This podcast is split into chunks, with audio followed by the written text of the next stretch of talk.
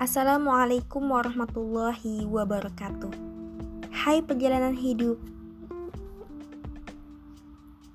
hargai hidupmu.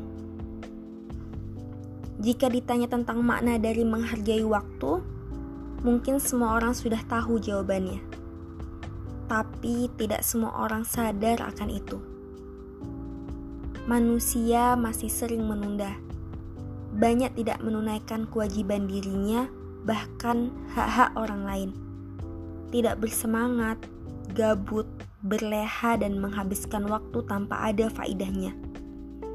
Mereka hakikatnya adalah orang-orang yang belum sadar akan makna menghargai waktu.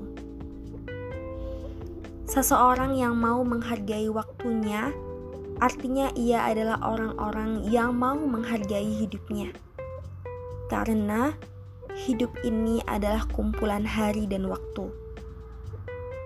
Maka, setelah harimu habis, waktumu habis, maka hidupmu akan berakhir. Terima kasih.